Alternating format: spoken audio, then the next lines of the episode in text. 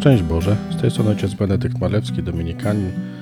Witam Was w kolejnym dniu Wielkiego Postu z księgi proroka Izajasza. Słuchajcie słowa pańskiego, wodzowie sodomscy, daj posłuch prawu naszego Boga ludu Gomory. Obmyjcie się i oczyśćcie, usuńcie zło uczynku waszych sprzed moich oczu, przestańcie czynić zło, zaprawiajcie się w dobru. Troszcie się o sprawiedliwość, wspomagajcie uciśnionego, oddajcie słuszność sierocie, w obronie wdowy wstawajcie. Chodźcie i spór ze mną wiedźcie, mówi Pan.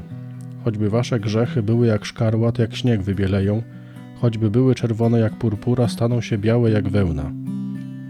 Jeżeli będziecie ulegli i posłuszni, dóbr ziemskich będziecie zażywać, ale jeśli się zat, zatniecie w oporze, miecz was wytępi, albowiem usta pańskie to wyrzekły.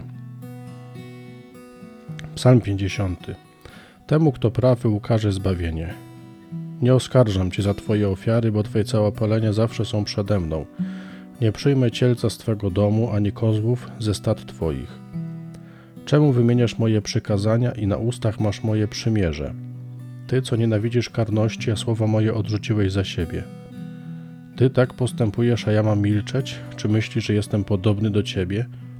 Skarcę Ciebie i postawię Ci to przed oczy. Kto składa dziękczynną ofiarę, ten cześć mi oddaje, a tym, którzy postępują uczciwie, ukaże Boże zbawienie.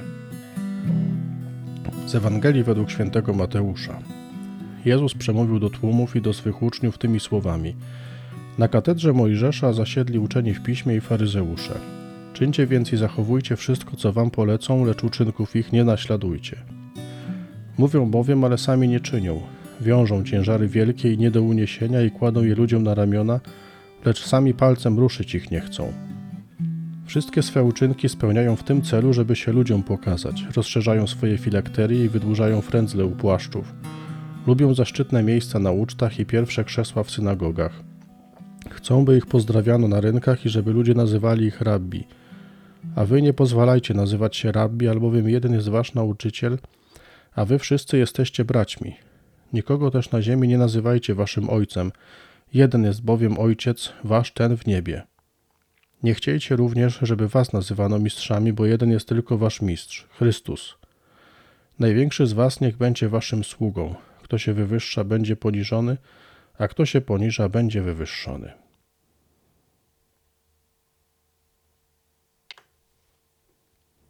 Dwie takie myśli do dzisiejszego słowa. Pierwsza jest taka, nawiązująca trochę do wczorajszych czytań, do wczorajszego słowa, kiedy człowiek w swojej zuchwałości mówi Panu Bogu: Tak, narozrabiałem, ale Ty, Panie, jesteś dobry i tak wiem, że mnie kochasz. A dzisiaj w pierwszym czytaniu prorok Izajasz właśnie o tym mówi, nie? Tym razem mówi Pan Bóg. I Pan Bóg jakby odpowiada na to, co człowiek do niego mówi. Tak, wiem, narozrabiałeś, ale oczyść się, obmyj z tego wszystkiego, bo ja naprawdę Ciebie kocham. Ja Ciebie oczyszczę w taki sposób, że nic Ciebie tak nie oczyści, ani nikt. Choćby Wasze grzechy były jak szkarłat, jak śnieg wybieleją, choćby były czerwone jak purpura, staną się białe jak wełna. Jeżeli będziecie ulegli i posłuszni, dóbr ziemskich będziecie, będziecie zażywać.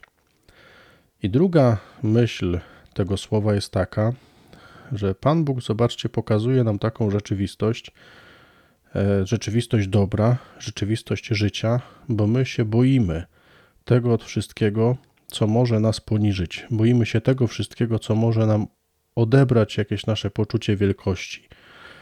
W Ewangelii Pan Jezus mówi, że nie udawajcie kogoś, kim nie jesteście. Patrzycie na faryzeuszy, patrzycie na uczonych w piśmie, są wielcy, ale nie bądźcie tacy jak oni. Po prostu słuchajcie tego, co mówią, zachowujcie wszystkie te przepisy, słowa, które mówią, ale nie udawajcie wielkich jak oni. I dalej Pan Jezus mówi: Jesteście braćmi, wszyscy braćmi jesteście. Nie pozwólcie, żeby ktoś nawyzywał was mistrzem albo nie wiadomo kim. Jesteście braćmi. O czym to słowo jest?